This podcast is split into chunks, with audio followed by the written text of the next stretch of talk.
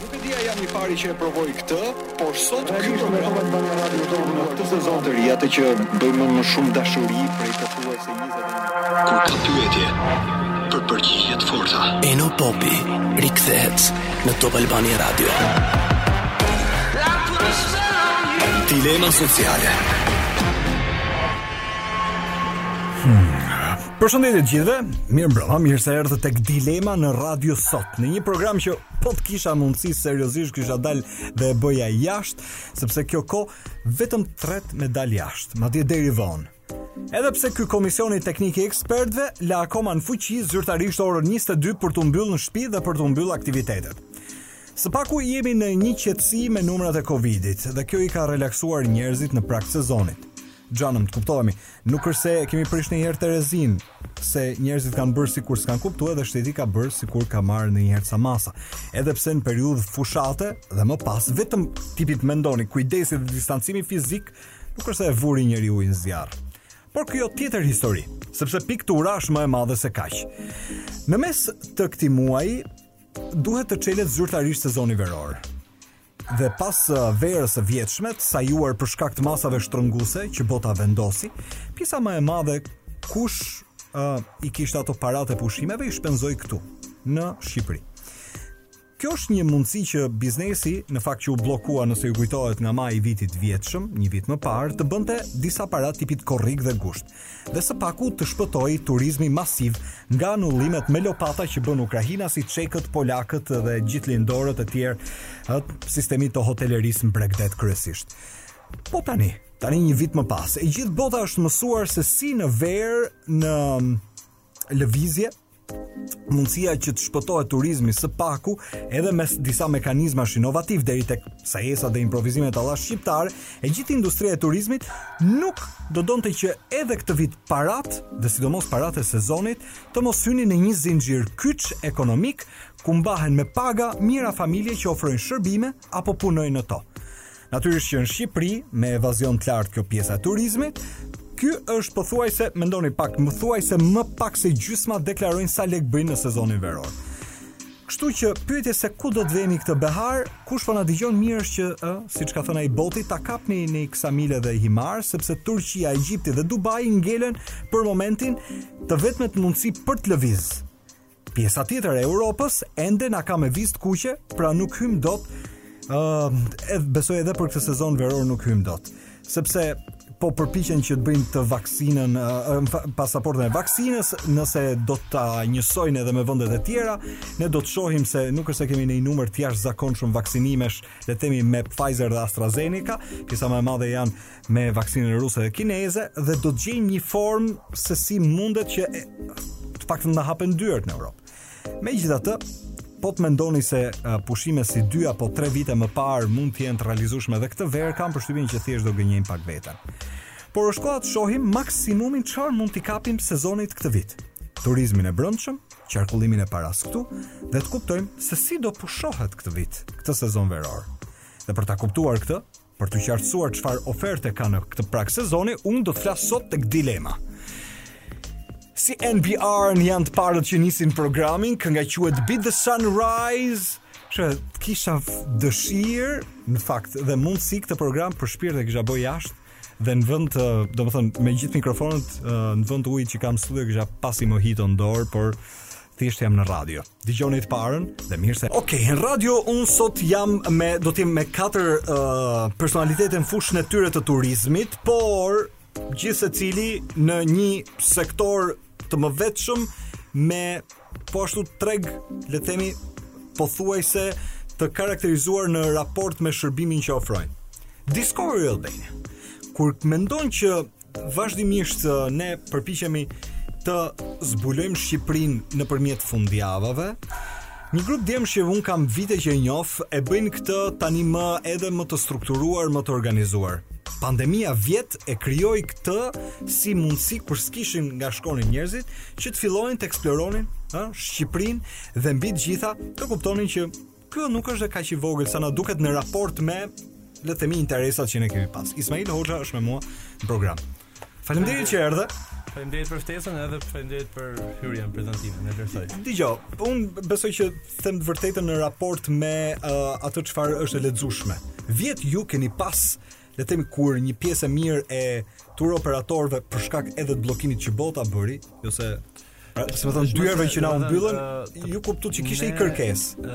Ne u përqendruam vetëm afropa. Shumë u përqendruam jashtëzakonisht shumë te pjesa e turistit domestik, te pjesa e të brendshme. Ah, sepse në fund fundit e para kjo është një ndër target grupe që ne kemi më shumë. Okay. Dhe e dyta është që nuk ishim të lidhur detyrimisht me turistët e huaj që do vinin në mm. Shqipëri. Sigurisht edhe ajo ishte një sektor i joni që na ndikoi edhe na, po them na penalizoi, por nga ana tjetër na doli dhe një plus sepse ishin gjithë personat shqiptarë që më përpara ndoshta kishin udhëtuar jashtë, që u rikthyen, mm -hmm. edhe në moment që u rikthyen bile kishim shumë nga këto uh, gjërat interesante që e kishin lënë Dhërmiun para 10 vitesh, edhe mendonin që ishte ai para 10 viteve, e kishin lënë Vlorën para 10 vitesh okay. dhe mendonin që ishte para 10 viteve. Tani kur e pan, oh, paskan ndryshuar gjërat. Ah, okay.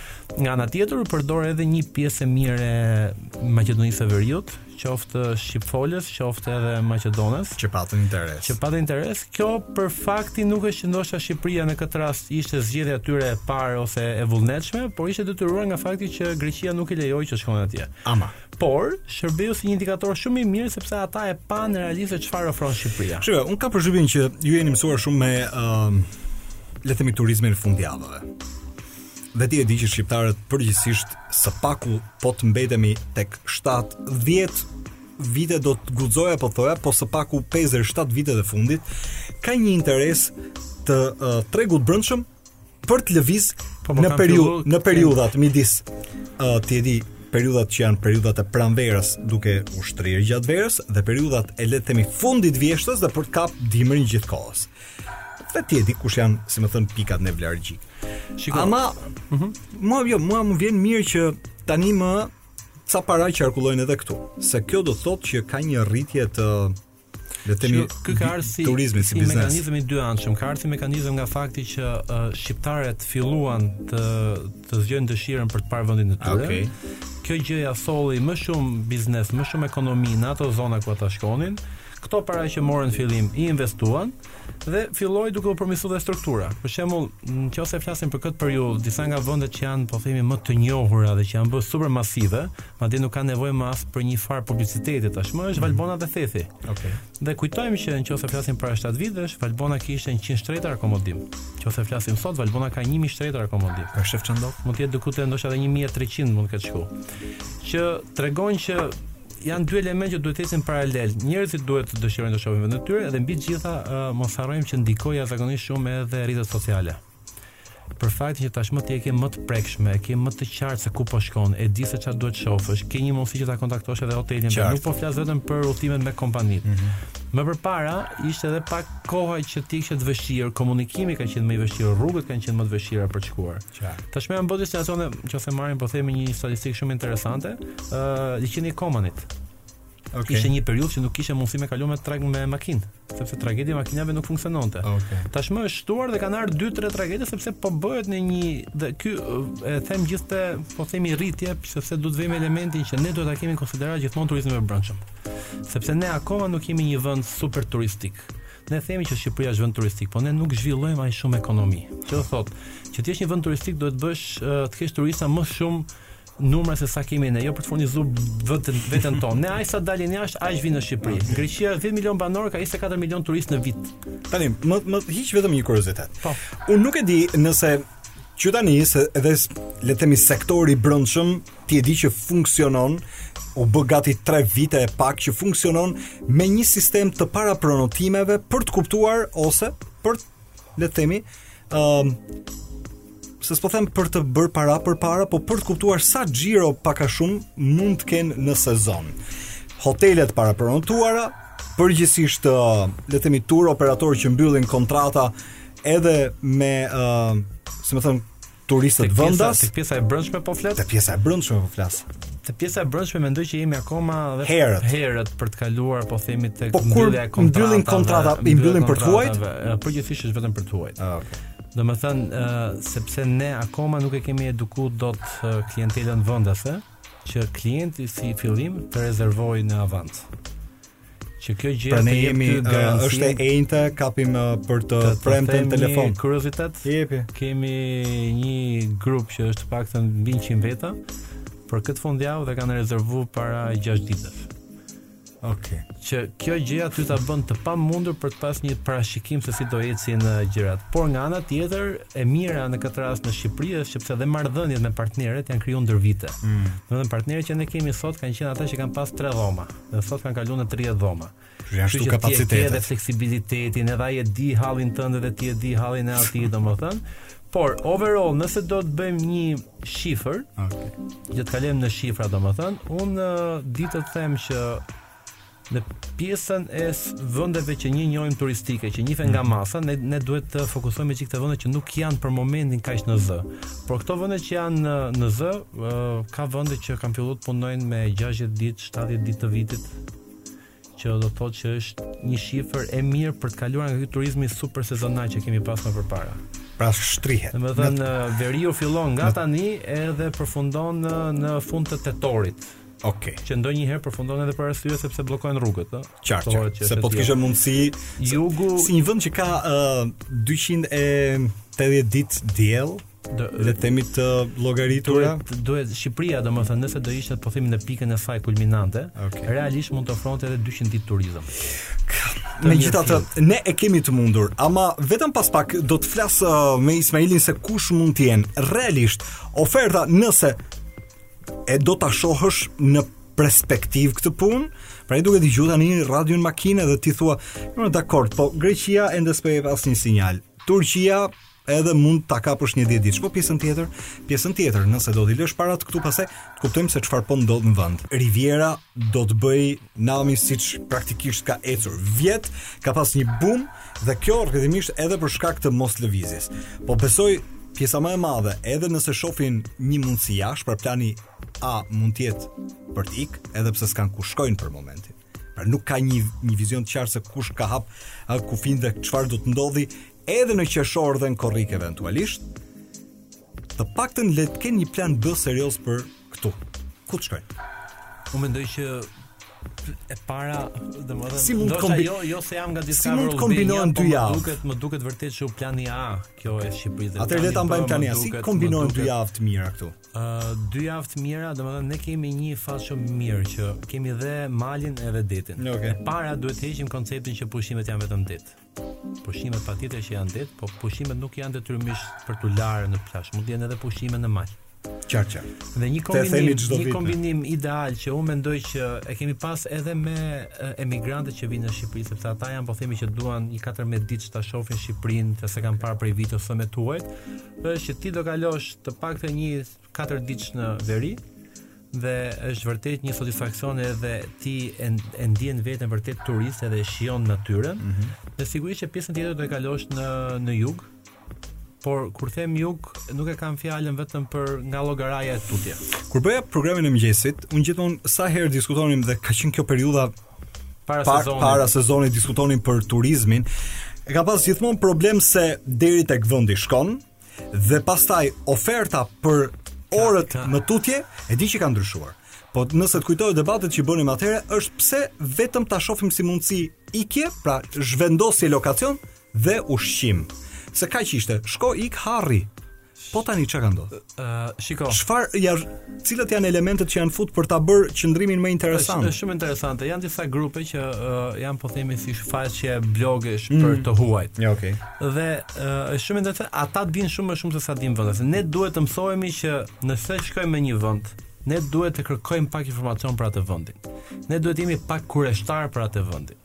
Sepse e kam dëgjuar shpesh këtë gjë, po mo se në Shqipëri s'ke çfarë me bo gjë. Shkoj atje vetëm plazhe dhe ushqim. Nuk është e vërtetë.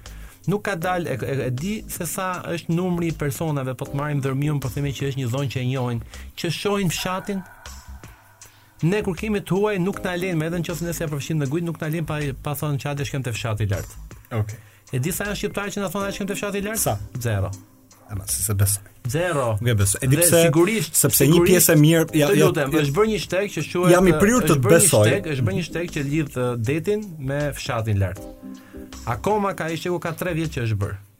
Akoma në qoftë se qëllojmë që ne hedhim një foto, uh, ku qenka kjo, çfarë është kjo gjëja, ka një ujvarë në Dhërmi për shembull, që kur ia tregojmë njerëzve thonë, a mo se s'ka mundësi atë gjënë. Ideja është e tillë që ne duhet jemi kuriozë për të parë. ne duhet të jemi uh, jo të shkojmë atje edhe ë mo se plazhi se ne jemi domethënë nuk kanë faj jemi mësuar nga fakti që më përpara rrinim në plazh sepse ti vërtet nuk kishe mundësi për të bërë gjëra të ndryshme por tashmë dhe ne kemi një fat shumë të mirë që pjesa e jugut nuk po flas për për gjithë ti ke kala afër, ti ke vende me me ujë afër, ti ke ushqime të mira afër, ti ke uh, shtigje për të ecur afër. i ke gjitha mundësitë që të ofron një vend tjetër. E vetmja diferencë është që në vendin tjetër ti i gjen këto të shpaloshura, madje të vjen dhe dikush që të thotë shiko duhet të bësh këtë këtë këtë dhe këtë. Këtu thjesht je në faktin që duhet të kërkosh pak vetë. Megjithatë, un jam i prirur të të besoj, por fotografitë që vazhdimisht shoh nga njerëz i kanë kur nuk gjejnë dhomat në vijën e parë bregdetare, ngjiten në fshat. Po. Dhe aty ti kupton që ka një lloj një, ose ka një lloj lëvizje tjetër se edhe ë uh, le të themi duke u ngjitur lart do të marrësh Vunon dhe fshatrat më lart. I ke njerëzit që lëvizin aty.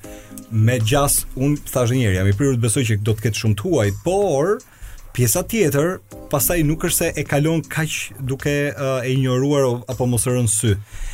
Shiko, unë them që çfarë uh, është e rëndësishme është çështja e masës edhe e dëshirës. Nëse ti ke një person që është në breg, që ka marrë një hotel buzë detit, okay. duhet që ai të ketë edhe dëshirën për të shkuar edhe për të parë zonën para. Okay. Domethënë që mos jemi, domethënë kush e di sa veta pafund se po marrim Dhërmiun ndoshta se ndoshta ngaqë u ktheva këtë fundjavë atje dhe ishte kështu. Sa veta pafund kanë shkuar atje dhe nuk dinë gjiret që janë pranë. Okej. Okay. Ajo që gjithmonë na ka bërë përshtypje, pastaj është që për të mbajtur le të themi turistin e uh, aktivizuar gjatë gjithë kohës, janë elementet e ndryshëm gjatë gjithë ditës. Nga turet deri tek ofrimi i shërbimeve që diku së paku 4 vitet e fundit me lëvizjen e brendshme ujore me skafet dhe guidat, diçka ka ndryshuar këtu. Megjithatë, mos mbetemi vet, vetëm tek bregdeti se ka gjëra ende për diskutuar vetëm pas pak.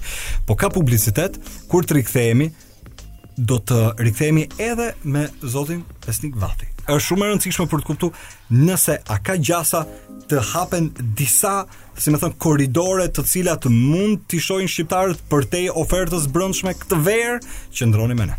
Pra ti je duke më thënë. që nëse këtu ka dëshirë të brendshme, praktikisht ndrohet një herë e mirë edhe një faqe e turizmit të brendshëm Shqipërisë. Ne mund të ndërtojmë turizëm me 4 sezone, ne mund të ndërtojmë, si me thënë, dëshirë për të lëviz edhe në pranverë, dhe në verë, dhe në vjeshtë dhe në dimër. Po, nëse ne organizohemi në mënyrën e duhur, kemi mundësinë që të gjithë turistët vendës, t'i t'i ofrojmë turizëm gjatë gjithë periudhës. Vijmë pak këtu. Dhe Ish, kjo okay. do na ndihmojë vetëm që ne të shtrojmë shinat që kur të vinë dhe të huajt e tjerë akoma më shumë, të kemi kapacitete okay. më të mëdha. Kapacitete. Dhe këtu ndalemi. Ti më thua që janë rritur eksponencialisht nga koha në kohë. Ti më përmende nga 100 shtretër ka shku 1000 po, po. zona të ndryshme ku janë rritur bizneset vendase për të akomoduar njerëzit. Po, për të Sa para një... qarkullojnë këtu për turizmin vendas nëse ka një statistikë apo le të themi është pak e është pak e vështirë për të bërë një kalkulim kështu të Po si ka mundësi më as shteti nuk e gjen dot këtë. Po se Atë se punohet në evazion, se, se ka evazion, se s'deklarohet. Se nuk ka një plan, se nuk ka një plan të saktë. Okay. Sepse nëse do kishte një plan të saktë, do themi që në Valbonë u shtuan kaq hotele të reja që u dha kaq leje Ka pas kaq investim, kaq kohë do e kishim shumë të thjeshtë. Por kjo është një mekanizëm që kam përshtypjen është i sistemit edhe nuk është që e ka vetëm turizmi si pjesë. Ajo që unë di të them është që çdo turist që të paktën është një nëse është turist i huaj e ka mesataren diku te 70 euro ditë që harxhon në Shqipëri dhe këta Kuizi më më merr pak tani. Dhe nëse ka turistë që harxhojnë më pak se 70 euro ditë për mendimin tim të huaj nuk janë ato turistë që neve na leverdisin. Okej. Okay. Dhe çdo turist vendas, duke qenë që turistët vendas vërtet harxhojnë më pak se 70 euro dita, por kanë uh, frekuencë më të shkurtër, janë 2 ditor, janë 3 ditor okay. dhe ju rritet buxheti duke pas parasysh transportin, ndalesa, drekën, ne jemi edhe turistë vendas, se jemi turistë që ne konsumojmë ushqimin e mirë. Ëh, mm -hmm. uh, që të paktën unë mendoj që ju shkon diku te 35 euro turistit vendas kur del nga nga nga nga, nga qyteti i tij. 35 euro llogaritë diku te 43000 lekë. 40 43000 lekë, okay. domethënë duke menduar që një paketë fundjavë do shkojë diku 80000 lekë, 100000 lekë po themi varet se ti ku shkon. Uh, këto deklarata që kushton jugu jon është 300 euro, 400 euro, këto janë thjesht deklarata më shumë të njerëzve që nuk kanë qenë për ta parë mirë ose të njerëzve që kërkojnë një standard që nuk e kanë buxhetin për ta paguar. Mirë. Por fundjava qëndrojmë qëndrojmë te kjo e dyta, sepse rrjedhimisht këtu sidomos në periudhën midis korrikut dhe, dhe gushtit, po. ti e di sa para qarkullon dhe me çfarë çmimesh ku një pjesë e mirë nëse flasim për një lloj kështu ndershmërie në treg, e din që sidomos në jug në Rivierë, në sektorin e turizmit,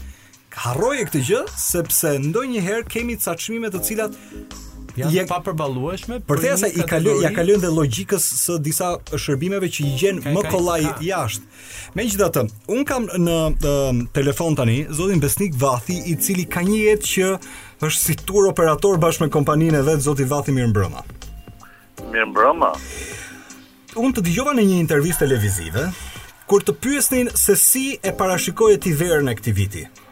Dhe natyrisht unë do të dëgjoj tani në mënyrë pak më të detajuar, por ndër të tjera ju thoshit që edhe kjo verë do të jetë një verë me shtrëngime. Edhe për, le të themi, operatorët që janë në terren, por natyrisht edhe për shërbimet.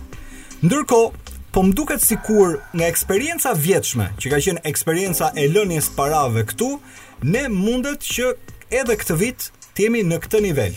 Pra shqiptarë që kanë pak korridore për të lëviz jashtë, por nga ana tjetër kur çfarë do bëjnë, do i lënë paratë këtu. Pra duket sikur do të jetë një fotokopje e verës vjetshme apo jo. e vërteta është kjo që vështirësitë në hapje të mhm. shumë vendeve që presin shqiptarët si turistë, apo që gjenerojnë turistë drejt Shqipërisë, na shtyn të mendojmë që edhe vera e këtij viti të jetë jo plotësisht fotokopje e vitit të kaluar, por Por afërsisht ndoshta e ngjashme. Ëh. Uh -huh. Sepse datat për hapje akoma janë të pasakta. Ëh uh, vaksinimi në shumë vende nuk po ecën me ato ritme që t'i bëjë ato vende që të hapen dhe ose mbylljet e çuditshme në një kohë kur vaksinimi ecën mbyllje e menjëhershme siç ndodhi me Turqinë, na bën të mendojmë që realisht edhe kjo verë do ketë vështirësi. Pra, pra që të vetë mundësitë për të shkuar jashtë ose do jenë me tampon, me teste drejt atyre vendeve ku përveç shpenzimeve për pushime do të shtosh edhe shpenzimet e testit të tamponit. Ë uh, apo mm, të zgjedhësh pushime në Shqipëri, kuptohet brenda atyre mundësive që mm, që ofron. Le të ecim pak me uh, gjeostrategji. Ëm uh, mund të ndodhë kështu. Vendet të cilat sjellin turistë dhe ju i dini shumë mirë, janë vende të cilat hiq një pjesë të Europës lindore, pra që kanë pas këto kontratat, nganjëherë shërbejnë edhe kështu për uh, për PR, turizmi, po uh, ukrahinasit uh, Herë pas herë vijnë, ulen, u krijuan këto linjat e komunikimit, korridoret ajrore me ta. Biles edhe kur kemi qenë më keq në pandemi, ata befas u ulën dhe vjet na çuditën. Por nga ana tjetër, kuptojmë që për shembull, fjala vjen, nëse do të hapej Greqia, do të kishte një shkarkim. Turqia është një korridor që s'u mbyll kurrë, të paktën flas për korrikun dhe gushtin dhe ka pas lëvizje. Unë e kuptoj që në Dubai uh, shkon njeri në korrik e në gusht se plasin vape do të, pra, do të ishte gati uh, e pamundur në nivel uh, komforti. Pra çfarë mbetet hapur ose çfarë mund të llogarisim hapur kush na dëgjon tani për të planifikuar një palë pushime në verë? Jo vetëm në Shqipëri. Uh, shiko, uh, së pari një herë kemi një datë që është dhënë nga Greqia. Mm. Pavarësisht se Greqia ka dhënë data shpesh herë dhe s'e ka mbajtur, unë besoj se këtë radhë do jetë data që duhet ata ta marrin një vendim të për të rëndësishëm për hapje përndryshe i kushton gjithë sezoni veror. Sepse kuptohet një vend i zhvilluar turizmi si Greqia që nëse e vonon hotelet marrin vendime për mbyllje gjithë sezonin. Qartë. Pra besoj që ndoshta Greqia do jetë një mundësi, them besoj unë, por me vështirësi. Okay. Uh, pasi deri më sot askush nuk ka rezervuar. Qartë. Edhe hotelet e Greqisë na njoftojnë që për momentin nuk kanë rezervime. S'po guxon njeri. Dhe e vetmja gjë që ata presin është që njerëzit të shohin faktin e kryer hapjen okay. e kufijve pa të fillohet. Okej. Okay. Pra Greqia është një mundësi Unë besoj se mundet të okay. Tani, për të ardhur uh, pak tek Turqia, apo mbyllen Turqia, tani për të shpëtu uh, verën ata, korrikun dhe gushtin? Tani, Turqia, që është e vërteta, uh, ishte e hapur gjithë kohës, por uh, e mbyllën më një janar dhe Vazhdojnë me tampon deri në fund të majit dhe ndërkohë kanë një dy javësh mbyllje totale brenda Turqisë ku anulluan edhe fluturimet brenda për brenda pra fluturimet nga Stambolli në Antalya apo destinacione të tjera brenda për brenda. Pra, e pezulluan në mënyrë totale. Është një mbyllje që ë vë në dyshim ndoshta edhe verën e këtij viti për në Antalya. Zoti Vathi Urt. Nëse okay. Nëse e, Turqia do të hap, do jetë edhe një mundësi tjetër Turqia për shqiptarët. Unë të falënderoj shumë se ishte ju i keni më të qarta se punoni për ditë me këtë situatë, kështu që t'uroj uh, natë të këndshme, faleminderit, natë të qetë. Ju falenderoj dhe unë për telefonatën. Ju falenderoj. Mirë, qëndrojmë edhe pak, ka publicitet. Kur të rikthehemi, bëjmë vetëm dy uh, detaje të fundit nëse realisht për këtë që dëgjuat, se jashtë mund kemi kufin të mbyllur. ku ka më mirë më thotë uh, Ismail Hoxha se do duhet me pa Shqipërin po rikthehemi pas pak dhe për ta mbyllur nëse është ky parashikimi që dëgjuam për jashtë që edhe ato mundësi si korridore për të lëviz këtë verë do të jenë të diskutueshme. I bie që prevalon turizmi vendas. I bie është ajo që the ti, plani A duhet me qenë Shqipëria. Rezervoni pushimet që tani që të paktën keni siguri që s'u anullon njeri, as për çështje kohe, as për çështje virusi. Pra kjo do të ishte duhet të bëhen gati vërtet që të kenë uh, një palë pushime në Shqipëri, se në fund të fundit nuk po flasim që po bëjmë pushime jashtë edhe do e kemi kështu. Ne duhet t'i bëjmë këtu pushimet.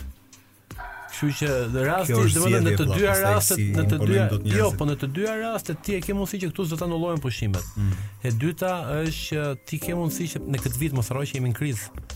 Domethënë zgjedhja është patjetër, po ne si vend duhet të kemi kujdes që ta mbrojmë veten tonë. Okay. Sepse çfarë ndodh nëse po themi ne vendosim të bëjmë gjithë pushimet jashtë?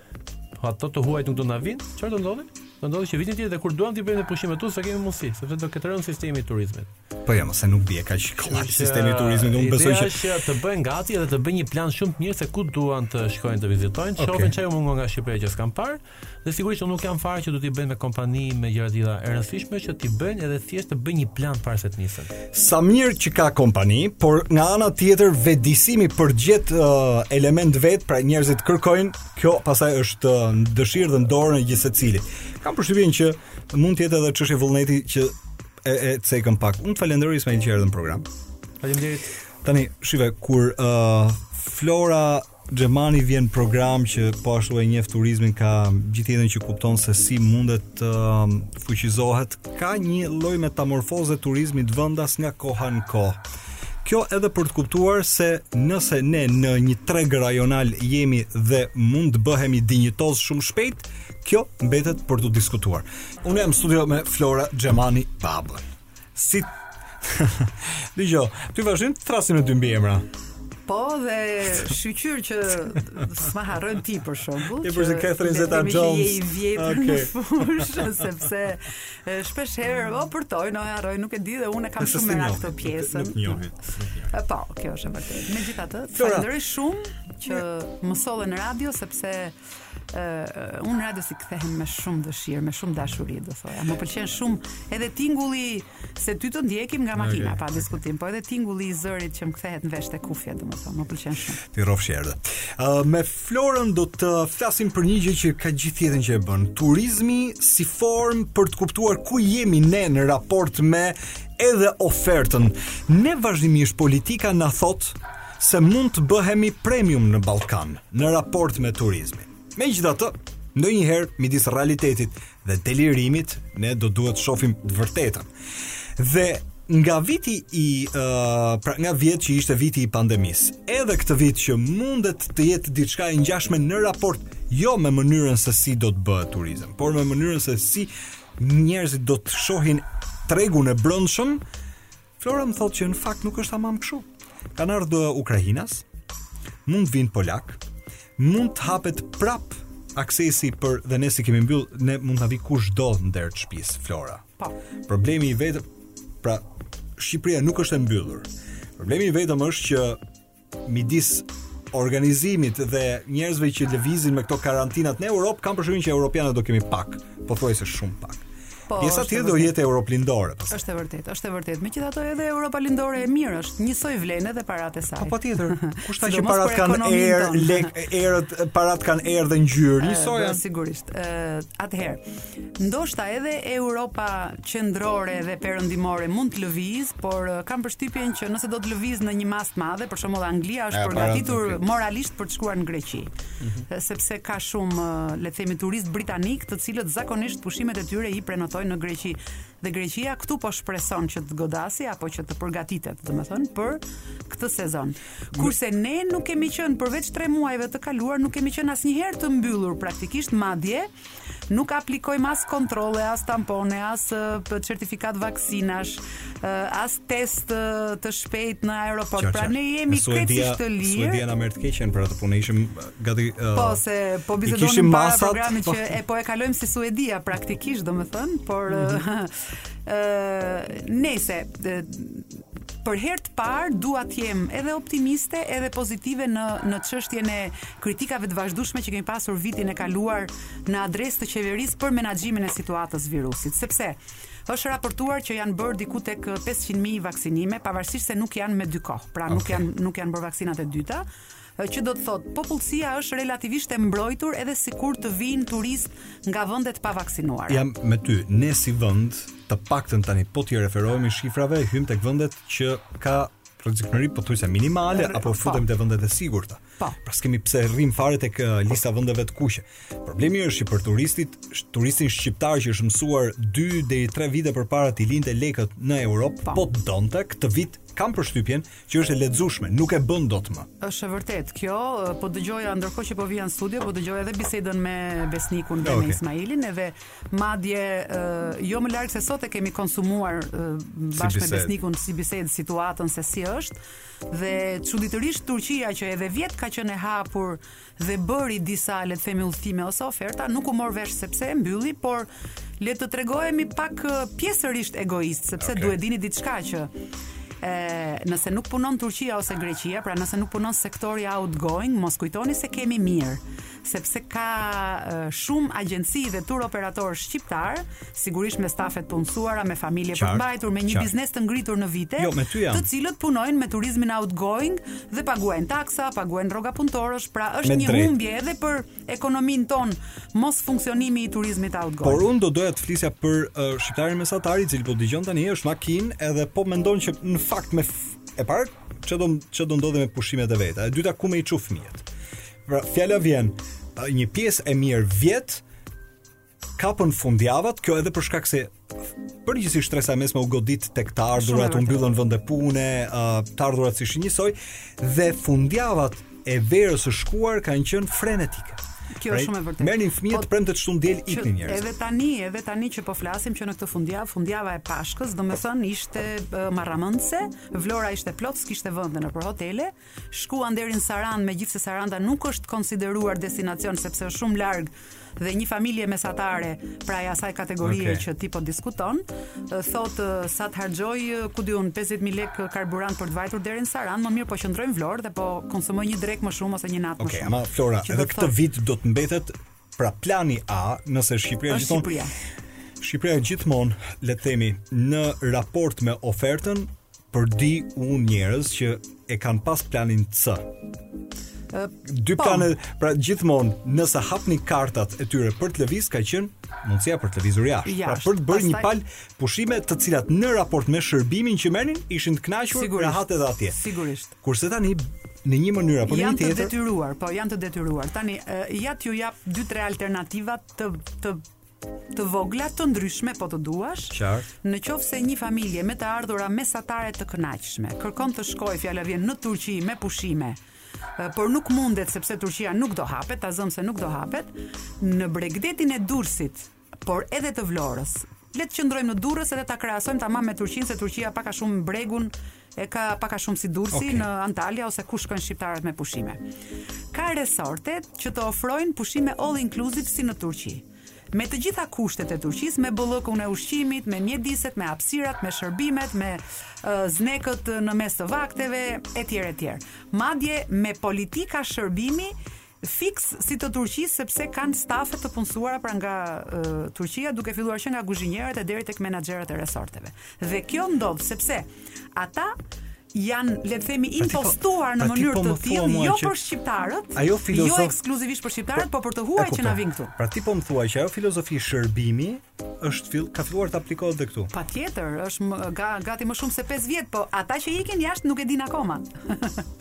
pra ata miqtë e tu që Shqipërinë e kanë alternativën C, mm. ende nuk e dinë që në Durrës kanë çelur le të themi resortet e para të, të, të modeleve turke. Nëse i pëlqen, ai lloj pushimi atje.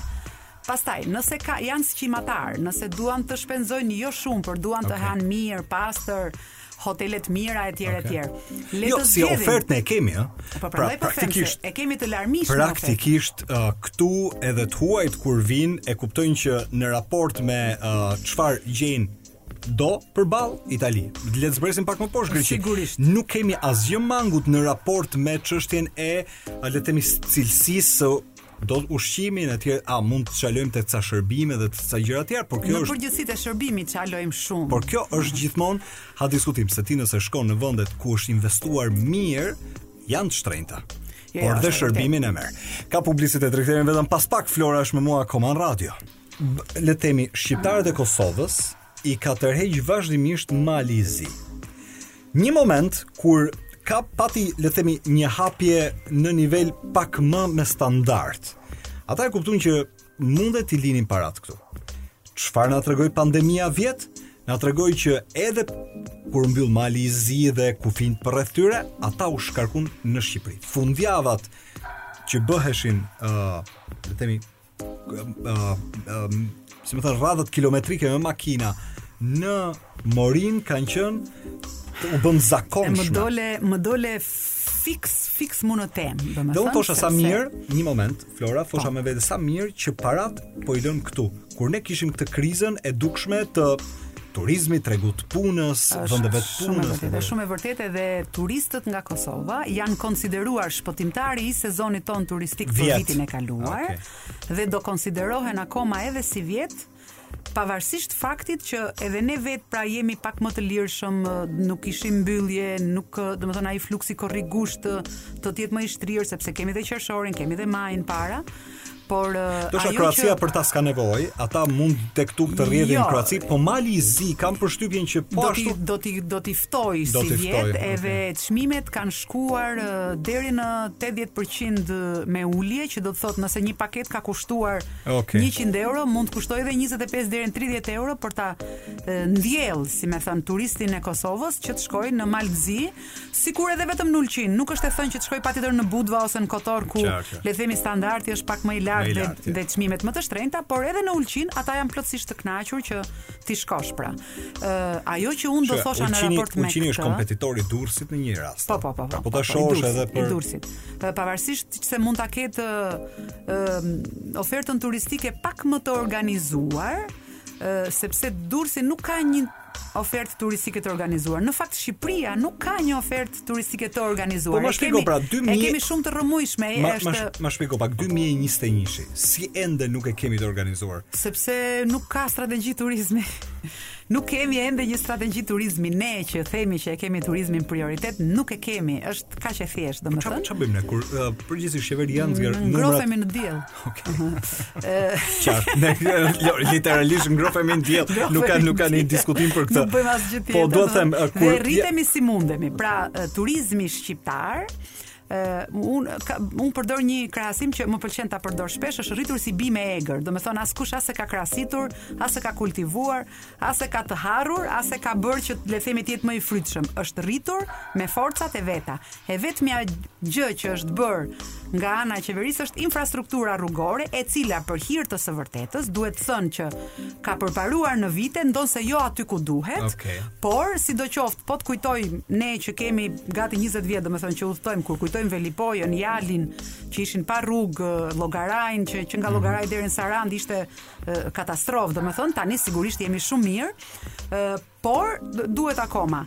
ë ajo që do doja, por nuk e diskutojmë dot se nuk kemi aq shumë kohë, që është turizmi në mikro, që është agroturizmi ose turizmi i zonave rurale, i cili zhvillon në mënyrë shumë dinjitoze çdo familje që merret me turizëm, pra një bujtinë, një agroturizëm, një fermë të vogël, një prodhues lokal etj etj dhe secili jeton me forcat e veta duke ofruar produktin e vet si një produkt edhe turistik. Nëse, po ta shohësh, një pjesë e agroturizmave në Shqipëri tani janë gjithëvjetorë. Jo, po. dua të them janë gjithëvjetorë. Patjetër që po. Pra, por mos harro që nuk besoj që punojnë me sezone, a di? Në qoftë se kemi, jo, jo, jo, jo, punojnë gjithë vitin, por në qoftë se kemi një Dardhë, një Voskopojë, mm. një Fishtë tashmë, pra në zonën e Zadrimës, okay.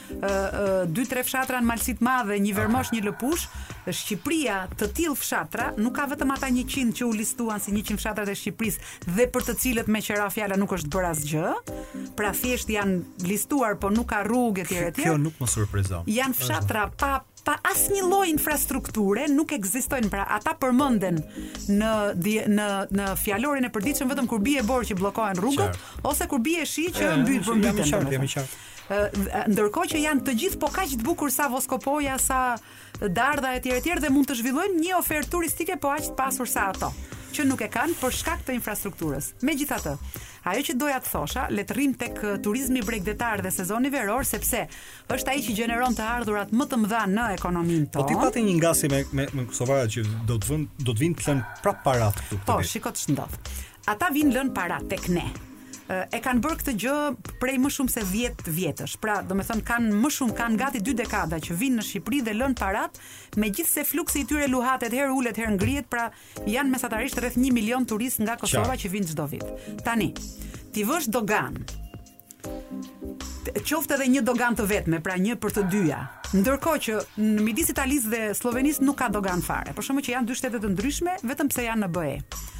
T'i vësh doganë shqiptarëve për të ardhur në Shqipëri dhe t'i vësh edhe atë postbllokun me 5 euro, ndërkohë që ai po vjen të shpenzojë se mund ta kuptoj deri diku këtë si një biznes, i cili për biznese të tjera, pra kamion dhe qëllime biznesi është një formë fitimprurëse ose një taksë lokale.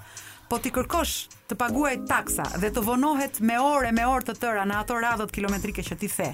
Pra të shikosh të, të premte në drekë, kilometra të tëra nga Kosova për në Kukës dhe anasjelltas të dielën në darkë natën deri në orën 12. Okay. Kilometra të tëra kosovarësh që kthehen në shtëpi, që kanë ardhur me pushime, kjo është minimalisht e turpshme dhe maksimalisht është masakruese, është është e pafalshme. Domethënë, jemi bërë që ta ftojmë qeverinë te Arbana, Që t'i themi të heqë traun, kupton? Të heqë atë ekrani dhe të përqafohet me me vëllezërit tanë nga Kosova që vijnë na shpëtojnë sezonin turistik. Është një trajtim që nuk nuk di domethënë në çfarë rrafshi ta diskutosh. A di pse kur uh, vendosa që të thërras në program, unë e di që ti bën një analizë se ku jemi ne në raport me uh, vendet e tjera. Edhe një herë, nëse ne uh, jemi zhvilluar, mundet edhe të jemi ashtu siç ti e përmende. Pra, diku në mënyrë rastësore, diku pa një organizim konkret, por diçka kemi bërë. Patjetër. Dhe jemi një ofertë e konsiderueshme në rajon. Patjetër. Derisa vazhdimisht të huajt e shohin këtë gjë. Po uh... kur vijmë tek pjesa personale, kam përshtypjen që prap jemi të pakënaqur, po për këtë Do të flas vetëm pas pak. Ti tani do të vësh Sweet but Psycho? Okej. Okay. Tani zgjidh, ti do të vësh këngë, publicitet dhe unë do të rikthehem vetëm pas pak, më bëj gati uh, telefonatën. Gjej një lajm që qarkulloi përpara nja një jave a 10 ditësh ku thoshte Malta ofron 200 euro ekstra Pra paguan këdo që do të vinte në Maltë për të kap pushimet. Dhe ti thua, ok, ishte qeveria malteze. Çfarë incentivimesh ndonjëherë gjejnë ca vende për t'u dukur atraktive dhe në sytë e botës? Madje, për clickbait, një pjesë e mirë e portaleve ishte, s'keni lek në xhep? Nëse doni që tash me vetë, po kush po kush po shkon Maltë me 200 euro se çfarë do bësh me 200 euro. Por si incentivim ishte që ulte nga tarifat një pjesë të mirë të shërbimeve dhe kjo për të mos pas atë thikën e pandemisë në turizëm. Albana Nanaj është uh, një njohëse e um, turizmit për shqiptarët që ikin vazhdimisht edhe ndonjëherë në vende të largëta dhe ekzotike. Albana është me mua në telefon tani. Albana, mirëmbrëma. Mirëmbrëma, e një. Kënaqësi që dëgjohemi. Kënaqësi dhe për mua. Albana, t'i gjohë, uh, kur po mendoja për punën tënde të përditshme në agjenci, po mendoja që ka shqiptarë të cilët ndoshta edhe për konvulsion nuk i mban vendi. Vjet e kanë e kanë pasur pothuajse të vështirë, po këtë vit ndoshta janë hapur disa shtigje të reja.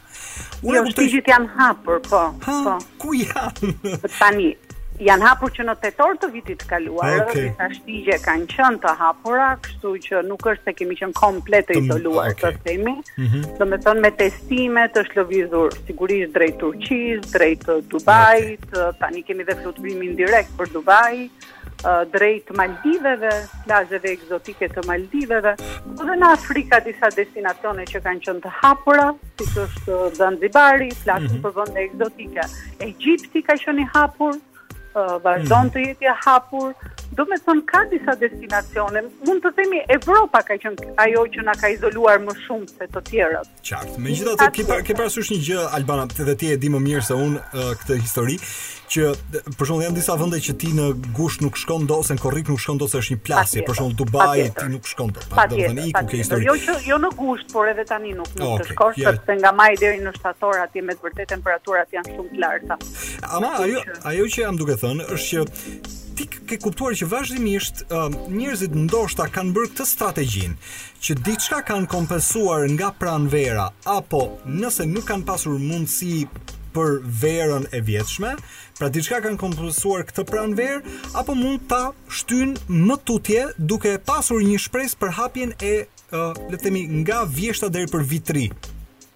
Po unë mendoj dhe vera do ketë lëvizje. A vërtet e mendon, je ti shpresëplotë për këtë?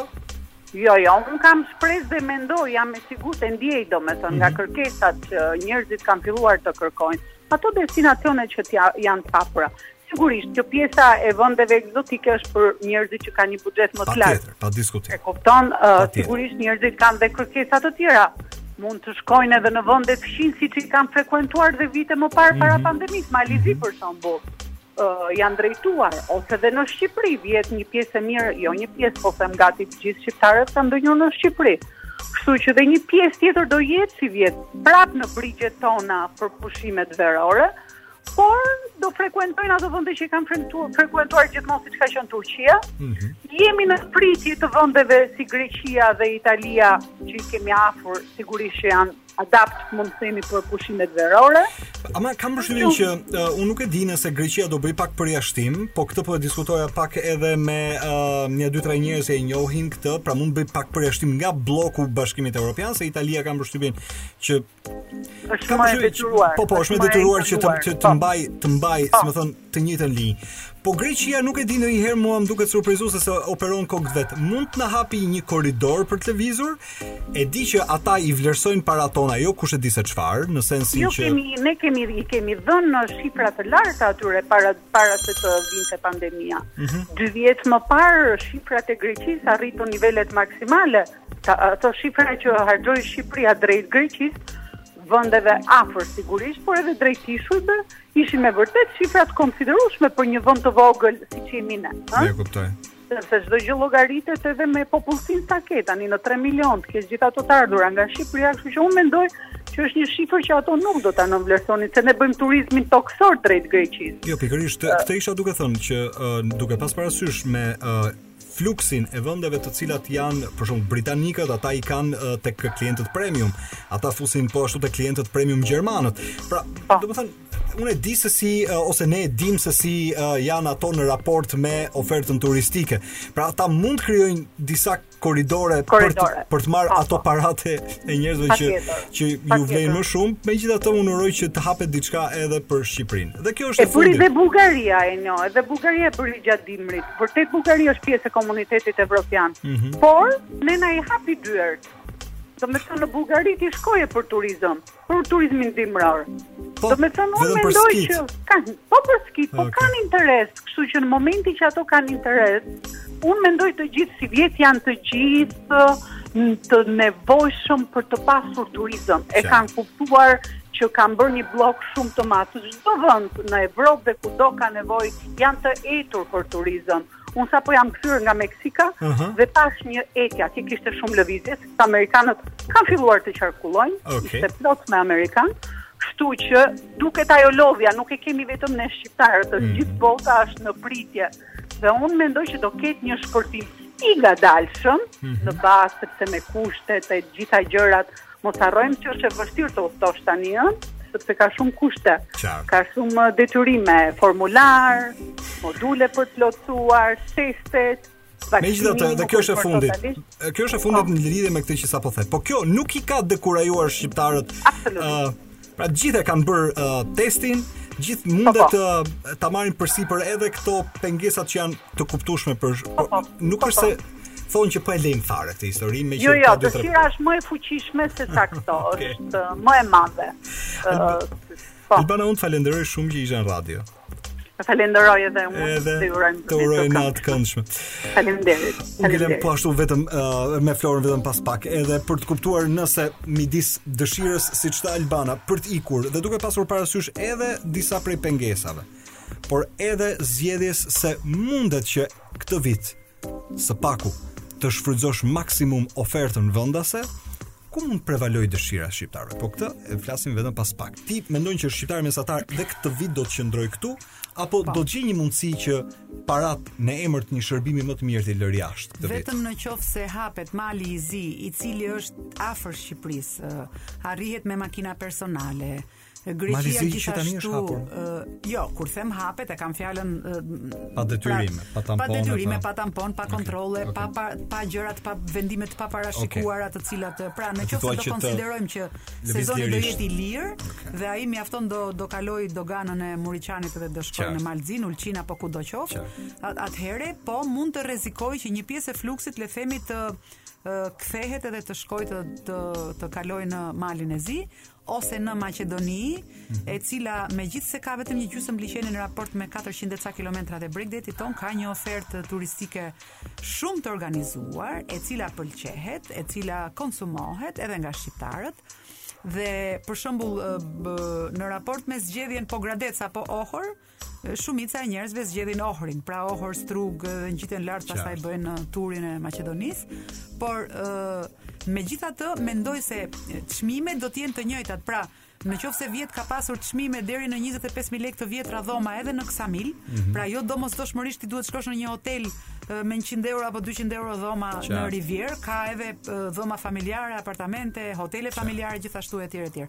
Kështu që Oferta jonë është e larmishme dhe ka për të gjitha nivelet. Madje edhe vetë Dhërmiu, që merret si etalon i pushimeve ose i çmimeve të shtrenjta, nuk është e vërtetë fare sepse, sepse ka, ka një lloj, mirë, ka një lloj oferte pak më elitare në sensin dhe, po. ok, shumë mirë, që është kompetitive. Por jo të gjithë ata që shkojnë në Dhërmi shkojnë nëpër këto 4-5 hotele elitare. Dhërmiu popullohet aq shumë në verë, domethënë saqë nëse ka 2000 shtretër, ka 10000 ose 20000 kërkesa. Që do të thotë detyrimisht ai do ta ngrejë çmimin. Domethënë ose Qe. nuk do ta uli çmimin e tij sepse ka kërkesë. Dhe aty ku ka kërkesë, oferta nuk bie detyrimisht. Shkon më lart. Por ti mund të kërkosh edhe apartament në Dhërmi, të konsumosh pra ushqimet që blen, zëre se je në shtëpi, domethënë dhe oferta pastaj konsumi është mesatar. Pa llogaritur fshatin, Dhërmiun dhe Vunoin që tashmë kanë filluar të hapin shtëpitë e para dhe është shumë herë më interesante, duket sikur je në fshatrat e Italisë pastaj. Nëse ti ngjitesh lart në fshat, të konsumosh. Interesant, po për shembull Ismaili tha që shumë pak kanë një lloj dëshire që të ngjiten në fshat. Sepse e kanë dëshirën për të qenë te vija e parë bregdetare për ta pas më komode marrëdhënien e tyre me pushimin për shkak. Ta jemi ne. ne ne të mesmit ose shqiptarët, familjarët etj etj. Po kush tipologji Por, tipologjia, tipologjia e të rinjve, të cilët udhëtojnë, fjala vjen okay. me Ismailin ose me këto uh, që janë me çanta shpine. Që janë me çanta shpine, mund ta bëjnë sepse në Dhërmi, në Vuno dhe në fshatrat e bregut, që është dhe Borshi etj mm. etj, ndoshta është e pabesueshme, por po po rritet një klasë të rinjsh dhe kur them klasë kam parasysh se është një numër i konsiderueshëm udhëtarësh solo traveler, solo girls etj etj, okay. të cilët udhëtojnë dhe po zbulojnë çdo skutë, morën Borshin, Dhërmiun, Vunoin, Qeparoin lart, domethënë Bënjën dhe kur them Bënjën nuk e kam fjalën për pellgjet me ujë, po për fshatin lart. Pra, rrjedhimisht pra, këta janë zbuli, Nivicën okay, okay. për zbulimin e zonave të panjohura të Shqipërisë, të cilat nëse shkon njëri dhe e hedh në Instagram, pastaj e ke të sigurt që do shkojnë të gjithë. Nuk e di sa leverdi financiare ka ajo zonë nga ky lloj turisti, por sidoqoftë ndikon në njohje, dhe mund ta organizojë më mirë ofertën e saj që të presë të huajt nesër, të cilët vdesin për këto lloj zonash të panjohura pra dhe të bukura. Ti thua që Shqipëria më e thellë. Shqipërinë e thellë, po, atë okay. Shqipërinë e thellë dhe të panjohur, të cilët po e zbulojnë edhe të rinjtë shqiptarë, kështu që nuk është fare pa shpresë kjo gjë. Okay. Gjithë problematika që lind është ulja e tmerrshme ose ulja drastike e ofertës, kur ka shumë kërkesë në treg, e cila shkatërron një pjesë të të tregut dhe nuk siguron më qëndrueshmëri, pastaj bie cilësia patjetër sepse nëse ne Dhe ti ke pas lumin e Shalës si kryefjalë. Për shembull, si, unë po. lexova një status njëri që thoshte mos e shisni lumin e Shalës kaq lirë. Kaq lirë 25000 lekë, pastaj shkoi 15. Domethënë, nuk mund ta shesësh një destinacion vetëm duke paguar biletën e udhëtimit për atje. Vajtje-ardhje, ti duhet të shesësh në destinacion edhe vendin, pra duhet të shesësh disa shërbime, një guidë të të, të domethënë një tur të shoqëruar me guidë, një drekë lokale, një suvenir etj etj, se duhet të jetojnë ata njerëzit atje. Domethënë, ata njerëzit nuk mund të jetojnë vetëm me biletën që ti e blen në Tiranë. Pra, Flora, kjo është ideja. Kjo po aq ngelet në arsyetimin pse turizmi në këtë vend si siç e the dhe një herë si rritet si bimë e egër. Si një bimë e egër. Është rritur si një bimë e egër sepse nuk ka ofertë të organizuar turistike. Të të bëj një krahasim të vockël, nuk e di sa kohë kemi. Kosova, 2 minutat e fundit. Ka një ofertë turistike fantastike, jo vetëm turizmin dimror, pak shqiptarë e njohin. Ne kemi marrë përsipër me anë të revistës uh, që ta Travelit, po që ta ofrojmë Kosovën gjithë vitin si destinacion okay. me qindra uh, shtigje ku vetëm via ferrata janë ato ngjitjet, është mhm. një lloj rruge vertikale që bëhet në shkëmb me hekur, mhm. ia kanë vënë italianët emrin sepse e kanë përdorur në kohën e luftës për t'u ngjitur pra nëpër mhm. zona të vështira. Ka dhe zipline, që do të thotë janë dy lloj destinacionesh që Shqipëria me një reliev shumë herë më të thyer nuk i ka, sepse Kosova e ka më të organizuar ofertën turistike, ka 7 via ferrata, Ka disa zipline në zonën e Pejës dhe në pjesë të tjera të malore të Parkut të Sharrit. Ka Brezovicën dhe Pejën që i ka oferta dimrore, por ka edhe parqe arkeologjike, parqe natyrore pa fund, për shembull, të cilat i kemi dhe ne. Te Pylli i Arinjve etj, të cilat i kemi dhe ne, por ajo i ka të organizuara. Ti futesh online, okay. blen biletën, Gjë që në Shqipëri nuk ekziston. Ja ku e ke hapur atje, e kupton?